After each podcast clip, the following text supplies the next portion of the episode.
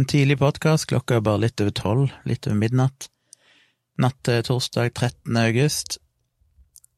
Og vi må komme oss i seng, for i morgen skal vi relativt tidlig opp for å reise til Trondheim og ha liveshow med Dialogisk.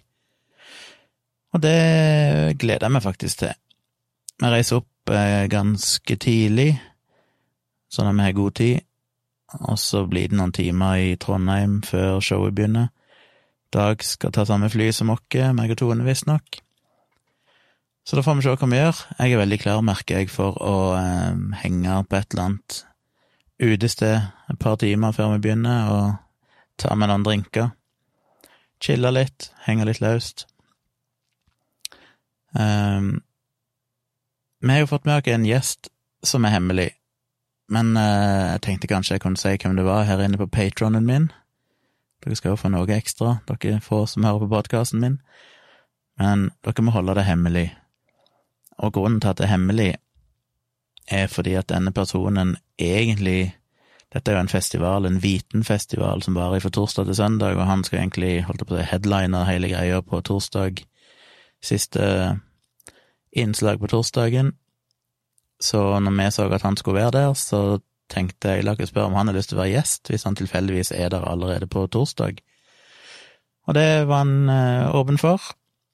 Men eh, hvis vi på en måte annonserer at han skal være gjest, så tar vi jo litt brodden av det som skulle være kanskje hovedgreia på søndag kveld. Jeg vet ikke om det er hovedgreia, men han skal iallfall avslutte på søndagen. Eh, så jeg tror ikke de vil at folk skal på en måte kjøpe billett til torsdagen heller enn søndagen, fordi de plutselig tenker at oi, vi kan se han da. Og den gjesten er altså Thomas Seltzer, som vi snakka om tidligere òg, meg og Dag, at han burde hatt med som gjest en gang. Dag kjenner han vel bitte grann, jeg tror ikke de er noen så nære venner akkurat, men eh, de har vel om, omgått i forskjellige sammenhenger, nok til at han kunne iallfall sende en melding på Instagram og spørre om han ville være med, og det ble han. Så vi skal møte Thomas Seltzer, så det må dere ikke si offentlig, bare fordi at eh, jeg vil liksom ikke at det skal fucke opp for festivalen. Eh, så han blir en sånn hemmelig gjest som vi bare tar ut på scenen når den tid kommer. Og de som da er der, får med seg han, som jeg tror kan bli gøy. Jeg vet egentlig altfor lite om Thomas Helsa, jeg har sett veldig lite av Trygdekontoret, jeg har sett kanskje et par episoder for lenge siden, eh, så eh, ja. Vi har jo ikke tenkt å gjøre det til noe intervju, det er jo ikke han som er Han er jo ikke gjest fordi at vi skal liksom snakke med eller om han, han er bare gjest fordi de gjør ting litt lettere for oss. Eh, han er en interessant person, med en veldig smart person. Så det vi tenker å gjøre, er å ha noen sånne, som jeg vel nevnte, noen sånne filosofiske eller moralske dilemma som Tone skal lese opp, som er funnet på nett, der det finnes to valg. Og så tenkte vi å spørre publikum først hva de velger, og så diskuterer vi tre litt, meg og Dag og Thomas, og kanskje vi sjekker om publikum endrer mening etterpå. Det tror jeg kan bli interessant debatt. Så det vi gjør, er at vi, meg og Dag starter vel alene, som vi som regel gjør, og bare liksom sier noe dilldall i ti minutter. Og så introduserer vi gjesten. Vi prater bitte grann med han først, og så eh, gjenger vi på med disse moralske dilemmaene, så tar vi så mange som vi rekker i løpet av en times tid. Så det tror jeg blir kult, og det blir jo spilt inn så vi slipper det som en episode seinere, så de som ikke er i Trondheim, får jo hørt oppdaga av det på et eller annet tidspunkt i løpet av seinsommeren eller høsten. Eh, så det gleder jeg meg veldig til. Eh, eneste kravet Thomas Seltzer satte, var at vi måtte spandere noen øl på han før, under og etter showet. Så vi får eh, kjøpe noen øl til han, både før og til å ha på scenen, og hva han mente med etterpå, vet jeg ikke, om han skal bare ha med seg noen øl, eller om han faktisk har tenkt å henge med akkurat ta noen øl ute etterpå, det vet jeg ikke. Nå hadde det vært kult å hengt med han, bli litt kjent. Så det tror jeg blir gøy. Så nå må dere bare love meg at dere ikke skriver denne plass at han skal være gjest, men dere får vite det her. Ellers så har vi jo levert uh, lille Doggy Dog, Kyla, på Kendal i dag. Hundepensjonat, hundehotell, hva nå måtte ønske å kalle det. Um, det gikk jo greit. Det var ikke sånn Jeg hadde kanskje tenkt at når vi kom der, så fikk vi litt omvisning, eller fikk se litt, men Eh, om det er av korona eller hva det er, det vet jeg ikke. Det var iallfall ganske strengt. Det sto bare sånn inngangsdøre, lever hunden her. så kom der ei dame og møtte dere og prata litt med henne, og så tok Kyla, så måtte vi bare snu i døra og gå igjen. Og det føles veldig rart at hun ikke er her. Det er jo, som jeg sa i forrige podkast, at det er jo som å levere fra seg et lite barn. Det er så tomt i leiligheten, og plutselig ikke hun er der. Og det er jo sånn at jeg blir selvfølgelig bekymra, er jo det bra, går det greit med henne der? Men jeg satser på at de gjør det, det er vel flinke folk, og det er sikkert bare gøy for Kyla å få leke litt med andre hunder og ha litt variasjon her i livet sitt. Men det blir spennende å hente henne igjen da på fredagen, og se hvordan hun reagerer da. Så lurte jeg veldig på om jeg skulle eh, ha med kamera eller ikke til Trondheim. Det er jo en kort tur, vi kommer opp der i morgen, har noen timer før showet, noen timer etter showet, og så er det gått hjem igjen på fredag. Jeg hadde først tenkt å ikke ha det med, men så tenkte jeg fuck, det er jo dumt å ikke ha det med, jeg kan, kan ta noen bra bilder av Dag, kanskje Thomas Seltzer, kanskje noe som skjer på scenen, hvis vi får tid til det. Så jeg endte selvfølgelig opp med det vanlige jeg tenkte sånn, jeg skal ta med ett objektiv, men så begynner jeg å pakke, så tenker jeg ja, men det var greit å ha et objektiv som var litt videre, og så ja, det hadde vært greit å ha et telelinse òg. Så jeg ender jo opp med å ta tre objektiver, da, men de dekker jo behovet. Eh, så det blir kamerasekken, og så er de jo så strenge på flyet når du har jo bare lov å ha med deg én håndbagasje. Normalt er du lov å ha med deg en håndbagasje og en personal item, altså ei veske eller en bærepose eller et eller annet du har med deg, en laptop under armen. Men på grunn av koronagreiene så vil de effektivisere boarding, eh, så da får du bare lov å ha med deg én ting. Så jeg kan ikke ha med meg en vanlig sekk og så ei lita veske med kamera, for eksempel. Så jeg måtte rett og slett ta kamerasekken min, og jeg pakka kamera i den, og så må jeg bare stue noe Den er ikke helt ideell til å ha liksom en klesskift og sånn i, men det går greit. Klesskift og toalettveske trenger bare en skift, og dytte ned i noen huller der så går vel det greit. Alltid litt styra med kamera gjennom sikkerhetskontroll og sånn, for du må åpne sekken og variere litt av og til. Jeg måtte tatt ut alle objektivene og legge i en sånn boks. Andre ganger så sier de det nok hvis du bare åpner sekken, så de kan se hva som er oppi, når du sender den gjennom røntgenapparatene. Men det går som regel fort og greit, og vi skal være der i god tid. Um, så det blir gøy, tror jeg. Jeg gleder meg litt. Tror det blir kult. Men det blir iallfall Jeg må prøve å få tatt noen fine bilder. Det bør jo benytte enhver anledning til. I dag har jeg jo selvfølgelig sittet og sett når jeg har tatt meg litt pause for jobbing, for det var mye jobbing i dag òg. Og jeg har ikke rukket å lage noen video, det var definitivt planen, jeg skulle jobbe, og så skulle jeg lage video. Men eh, det gikk litt tid når vi skulle gå og levere Kyla, så forsvant det et par timer. Så jobba jeg litt etterpå det igjen, og så ble jeg egentlig ferdig med de viktigste tingene. Og så tenkte jeg nå trenger jeg en pause. Så lagde vi litt mat og satt og chilla litt, og så ble plutselig klokka så mye at det var sånn jeg orker virkelig ikke begynne nå, må jo legge meg tidlig og rekker uansett ikke redigere videoen. Så det får bli helgeprosjekt å lage iallfall én video. Jeg har egentlig lyst til å lage to.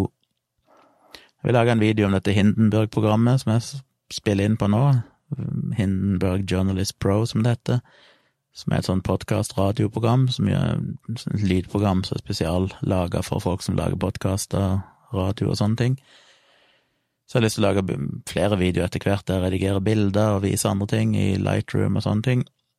Så jeg har lyst til å lage en liten video med en liten studiotour i mitt bitte lille studio, bare vise hvordan jeg kobler opp ting for å lage podkast og video og sånn. Det vet jeg at det er folk som har spurt om og er interessert i.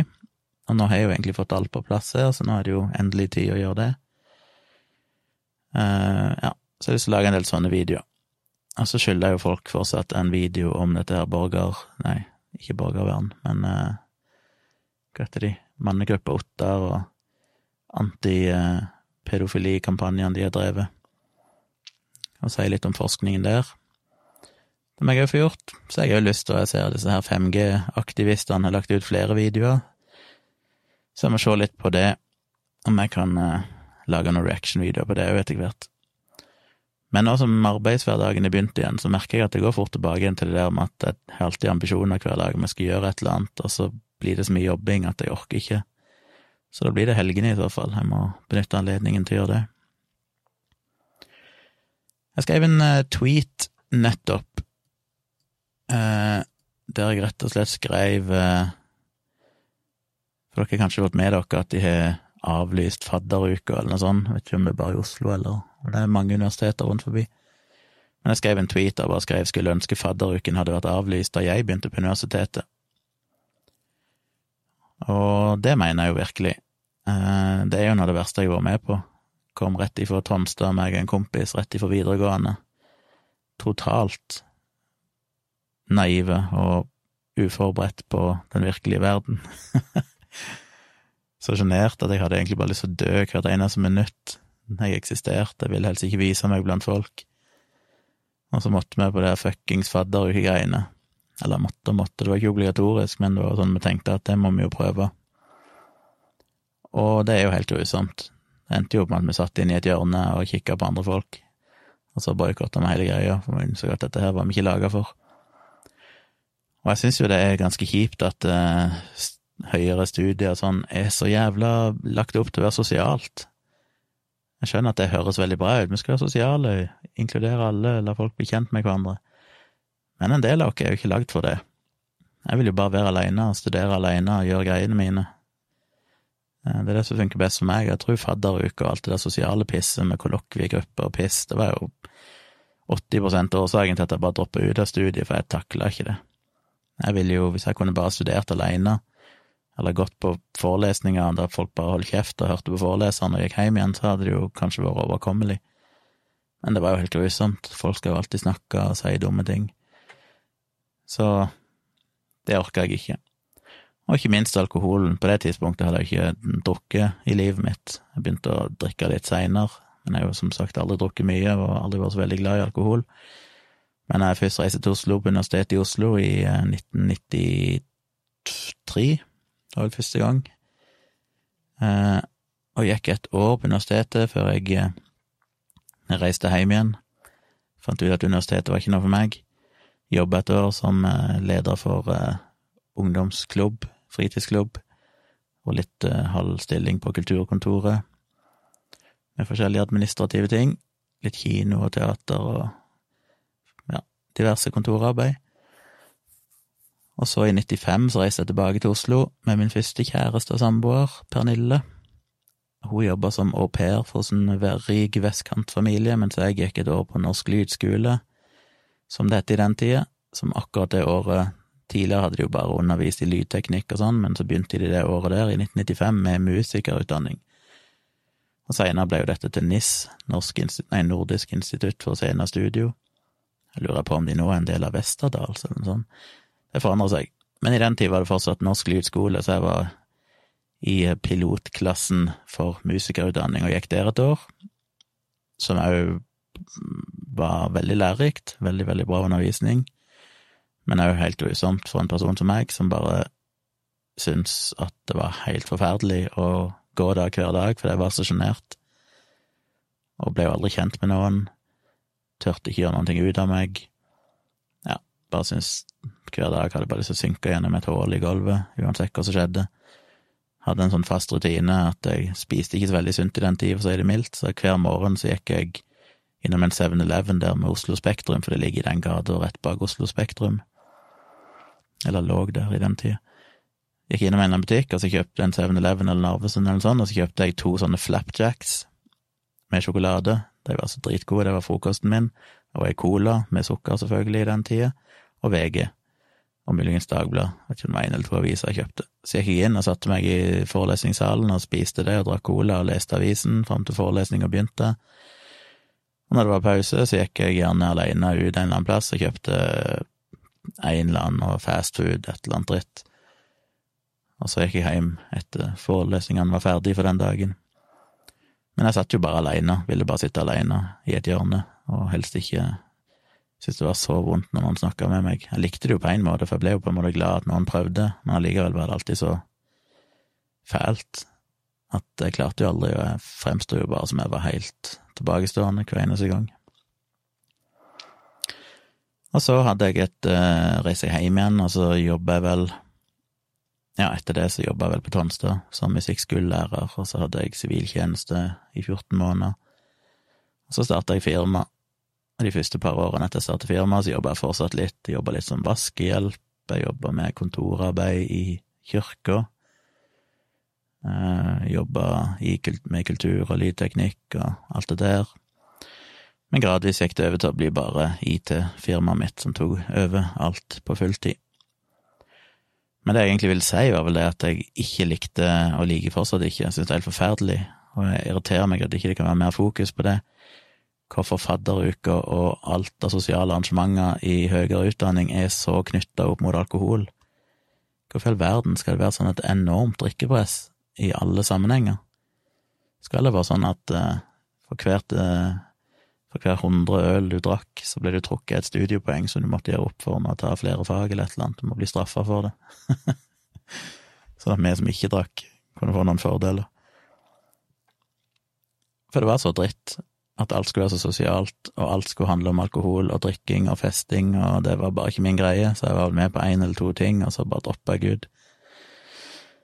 Så ja, det måtte jo være en fornøyelse for alle som er som meg, at fadderuka er avlyst, de må jo bare kose seg. Det blir vel sett på som et nederlag, men det er jo bare et nederlag for de som er ekstroverte og sosiale av seg. Og samfunnet vårt er jo en tendens å tenke at sånn er alle, men det er slettes ikke sånn. En ganske betydelig prosentandel som sikkert koser seg innvendig og er sjeleglade for at sånne ting bare blir avlyst. Så de kan heller gjøre det de har lyst til å gjøre, som er å drive med ting sjøl og ta en utdanning. Så jeg fullførte jo aldri noe høyere utdanning, og det var jo primært på grunn av at jeg ikke takla det sosialt. Så var ikke det faglige som var noe problem. Jeg fikk jo gode karakterer i de tingene jeg fullførte, de fagene og eksamenene jeg tok, men jeg bare hata alt med å være der. Så det lengste jeg har tatt av utdanning, det var at jeg tok vel nesten, fullførte nesten to år innenfor informasjonsteknologi, som egentlig er IT, da, via fjernundervisning over internett. Så i 19, sånn rundt 1999 år 2000, 99-2000, så tok jeg noen fag ved Høgskolen i Sør-Trøndelag over internett, og det passa meg helt fint. og bestilte bare bøker hjem, fikk bøkene hjem til meg. Så var det ei webside du logget inn på, og så fikk du nye oppgaver hver uke, og leverte det inn via nettet. Og tok en eksamen til slutt, som jeg bare organiserte at jeg fikk ta på den videregående skolen i Sirdal, og fikk en lærer der til å være eksamensvakt. Og så tok jeg de eksamenene, og det gikk greit, fikk veldig gode karakterer på det. Men det var en undervisningsform som passet meg helt ideelt, for da slapp jeg å forholde meg til alt sosialt piss og kunne bare studere i mitt eget tempo og jobbe aleine og få gjort det jeg skulle gjøre. Så ja, fuck, fuck fadderuka, fuck alt det sosiale. Jeg vi må gjerne ha det for de ekstroverte, men det hadde vært fint om de hadde et eller annet et godt alternativ til andre òg på en eller annen måte klart å balansere det på et eller annet vis. Eh, med noen fordeler til dere introverte, usosiale mennesker. Så det var min lille rant for dagen. Um, ikke helt overraska om noen av dere som hører på, kjenner dere igjen i det. Vil jo tro kanskje at uh, folk som liker det jeg driver med, kanskje er litt av samme typen. Ikke alle, men noen. Skriv gjerne en kommentar hvis dere er enig. Hører gjerne ifra dere. Som en svarte på uh, Twitter her. Uh, jeg vil gjerne bli med i klubben for halvstuderte røvere. Og det er en fin klubb å være i. Og det er vel det jeg har kalt meg alltid, en halvstudert røver. Aldri fullført noen høyere utdanning, men jeg har tatt litt fag her og der. Og klart meg bra, for jeg startet eget firma og fått et greit liv sånn sett. Men ja, det er en fin klubb å være med i. Jeg har ennå ikke hørt noe fra dette brudeparet. I går så drista jeg meg til å sende en mail og bare spørre. Høre hvordan det gikk med bryllupsplanleggingen, og håpet alt gikk greit. Og så jeg, spurte jeg om de hadde tatt en avgjørelse når det gjaldt eh, fotograf. Ikke fått noe svar på det. Kanskje de har gått fra hverandre, kanskje bryllupet er avlyst, for alt jeg vet. Men det hadde jo vært greit å få et svar, fordi dette er jo ting som Ikke at det er så viktig for meg, Eh, men for de fleste bryllupsfotografer så er jo sånne ting når de gjerne booker et år i forveien og sånn. Det er jo irrelevant for meg siden jeg ikke er elever og ikke har noen andre oppdrag, men jeg trenger jo å få vite det litt i forveien, iallfall, sånn at jeg kan forberede meg og, og planlegge og ha møter med de og finne ut hvordan ting skal skje, og ditten og datten er en del som skal forberedes. Så jeg håper jo de kan komme med et svar, og ikke minst bare fordi at jeg selvfølgelig har lyst til å ha et svar, jeg vil vite det. Hvis ikke de booker meg, så har jeg jo brukt mye penger på utstyr som jeg egentlig ikke trengte ennå, men, men, jeg har jo kjøpt det. Ekstra kamera og sånne ting, så da har jeg iallfall klart det neste gang det skulle dukke opp noe. Og det er jo litt av håpet mitt òg med å ha denne nye YouTube-kanalen jeg eh, starta, men ikke lansert. Eller det vil si, han fins jo, men er jo ikke publisert noen plass. Der jeg skal legge ut de her videoene mine om lyd og foto og sånn, det er jo litt for å bruke litt til markedsføring. Prøve å lage litt videoer om eh, bilder og bruke det som en slags markedsføringskanal. Kanskje det kan føre til at noen booker meg til noen ting i framtida. Så har vi jobba litt mer med den markedsføringsdelen, finne ut hva jeg skal profilere meg, om jeg skal profilere meg i en eller annen retning, og liksom kjøre all in på bryllupsfotografi, for eksempel, og lage ei nettside bare for det, kanskje, vet da fanken. Får sjå. Foreløpig er jeg jo ganske generelt på de fotosidene mine, det er liksom bare her er bildene mine, og her er priser for forskjellige typer oppdrag, men det er ikke så veldig retta inn mot én spesifikk sjanger. Så det er mye å tenke på. Er det noe mer jeg skulle ha sagt før jeg hopper til case? Um, mm, mm, mm. Nei. Kommer ikke på noe akkurat nå. Jeg er tilbake igjen eh, fredag kveld, da får dere en liten oppsummering av hvordan det gikk. Jeg kommer sikkert til å ta litt bilder og legge ut etter hvert. Både proffe bilder med kameraet mitt, og kanskje noen mobilbilder og snaps jeg slenger ut på Instagram eller sånn, for å se. Eh, jeg har jo lyst til å dele litt av den opplevelsen som skjer i morgen, med liveshow og sånn, legge ut noen bilder så folk kan se.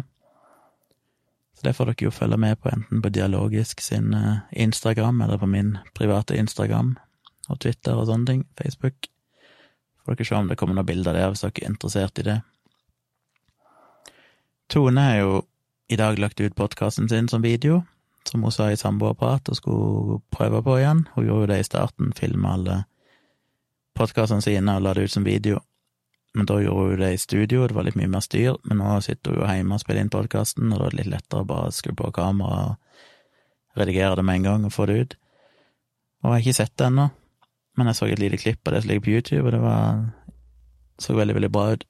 Veldig bra bilder, veldig god lyd, så Sjekk ut Tone Sabro på YouTube hvis dere har lyst til å høre og se hennes siste podkast-episode. Så kan dere jo sjekke ut det. Så er det jo kommet noen endringer i Patron òg. De eh, 1. juli så innførte de, jeg har vel ikke sagt noe om det, kanskje, men dere har jo fått mail om det fra Patron. De sendte vel ut mail til alle patrons, men de begynte jo å innføre moms på støtten, og det er litt tricky fordi det kommer jo an på hvor du skal ta moms av, og det er litt opp til hver dere, sånn som hos meg, da, hvis du er støttemedlem som koster fem euro, så skal du ikke betale moms på det hvis ikke det er momspliktig, men det kommer litt an på hva som ligger inni de fem euroene, så du må på en måte vekte de fordelene du får. Det kan jeg gjøre inni mitt eh, kontrollpanel her, så kan jeg si at generell støtte, eller general support, utgjør jeg husker ikke hva jeg satte, 50 av verdien, at det er kanskje 50 av årsaken til at dere støtter meg med fem euro, er at dere bare vil støtte meg. Um, 20% eller 30% kanskje er fordi dere får litt ekstra ting. Uh, så er man liksom vekta det, og de ekstra tingene varierer jo. For i noen land så kan det være moms på digital downloads, hvis jeg hadde for eksempel gitt dere noe dere kan laste ned digitalt, La ikke si jeg hadde en Patron bare som fotograf, så det er ofte sånn at du kan laste ned kanskje presets og sånn til Lightroom eller andre ting. Og i noen land så vil det være momspliktig, i andre land er det ikke det. Livestreaming og sånn tror jeg ikke er momspliktig, så det er liksom hva jeg setter det til. På det høyeste nivået, der du er VIP-medlem, så får du ei bok. Det er jo en fysisk ting, men det var heller ikke momspliktig så lenge det var bare en engangsting, visstnok, som du gir noen og bøker er jo uansett momsfrie i omsetning til siste ledd, så når jeg selger bøker til noen, så betaler ikke kjøperen moms av det. Jeg må betale moms når jeg kjøper de av forlaget. Men i det siste leddet til den siste forbrukeren, siste leseren, så er det ikke noe moms. Så iallfall, jeg har gått gjennom og prøvd å vekte det, da, uten å helt vite hvordan det vil slå ut, men jeg ser at noen av dere har måttet betale noen eh, cent, holdt jeg på å si, ekstra i moms Og i begynnelsen så var ikke det synlig, det sto bare at det kosta fem euro. Men når dere ble trukket for kortet, så ble det kanskje trukket bitte grann mer, fordi noe av det var momsbelagt. Mens nå har de gjort en ny endring de siste dagene som gjort at det er synlig, visstnok jeg ikke sjekka det sjøl, men jeg tror det skal være synlig med en gang, at det står at istedenfor at det står fem euro, så står det kanskje 5, et eller annet euro, fordi det er noen prosent moms der. Så det er nytt. Og så er det kommet en annen nyhet òg, visstnok, at nå kan dere òg velge hvilken valuta dere vil betale i. Eh, når vi setter opp disse Patron-kontoene, så kunne vi velge om du ville ha det i euro, dollar eller pund, britiske pund. Jeg valgte euro. Dag Sørås, han valgte jo dollar av en eller annen grunn. Det er ikke noe som er rett eller galt, jeg bare tenkte euro. Vi er jo i Europa, euro er vel litt mer nærliggende enn US dollars. Så det var noe som vi bestemte. Mens nå er det visstnok endret sånn at de som signer opp på støtte, kan velge hvilken eh, valuta de vil betale. I. Jeg vet ikke helt hvordan det fungerer, for det, kursen er jo ikke lik på alle, så om det da blir vekta ut ifra det jeg valgte opprinnelig, hvis jeg valgte fem euro, så blir dollar og pund tilpassa sånn at det tilsvarer fem euro, eller om det da bare automatisk blir fem dollar og fem pund, og så vil det slå ut eventuelt til fordel for dere hvis dere velger en valuta som egentlig er billigere og da slår det jo negativt ut for min del, i så fall. Det vet jeg ikke, men sjekk gjerne ut det. Kanskje dere kan endre det hvis dere skulle ha sterkt behov for å endre fra euro til dollar eller pund eller noe sånt. Da kan dere jo inn i innstillingene og se om det er mulighetssted. Uh, ja, så det var de endringene som er kommet i det siste, men det er ting det skal være sendt ut mail om ifra Patrion. Så det er ikke så mye jeg hadde å tilføye til det. De forklarte det jo bedre enn jeg kunne forklart det, så jeg regner med dere har fått den informasjonen dere trenger. Så da gikk det nesten en halvtime igjen. Jeg eh, logger av, hopper til køys opp tidlig i morgen, reiser, og det gikk plutselig opp for meg og Tone at jeg er så vant med å flyge mye. Jeg mener, jeg har jo fått gullkort hos SAS, for det, jeg flyger jo Ja, gullkort, da må du vel ha hva er det, 45-50 turer i løpet av et år. Så basically en gang i uka omtrent har jeg jo flydd. Eller en gang annenhver uke, kanskje, tur og tur. Litt mer enn det. Ehm, men plutselig nå så har jeg ikke flydd siden november i fjor, som jo miljøet roper hurra for, men som jeg syns var rart, for jeg føler jeg flyger hele tida, men det gikk opp for meg at nei, shit, det er jo ikke det. Jeg hadde jo en del flyturer booka, jeg skulle jo på iallfall to konferanser og et par foredrag, og vi skulle til Praha i påsken og litt sånn utover vinteren og våren, men alle ble jo kansellert på grunn av the corona. Så det betyr at det er faktisk ikke flydd nå siden november, som føles litt sært, så det blir første flytur på veldig lenge. Vi har kjøpt dere ansiktsmaske. Jeg er klar til å reise med bare én sekk, eller én håndbagasje, så jeg regner med det skal gå greit. Jeg håper ikke det blir noen plutselig kansellering på grunn av noe koronagreier eller et eller annet i morgen. Det hadde vært irriterende nå som jeg har fått med oss Thomas Seltzer, som jeg tror blir en kul gjest å ha. Så da må jeg få slutte. Det tre ganger så jeg skal slutte, så nå skal jeg slutte. Og så høres vi igjen eh, på fredag kveld.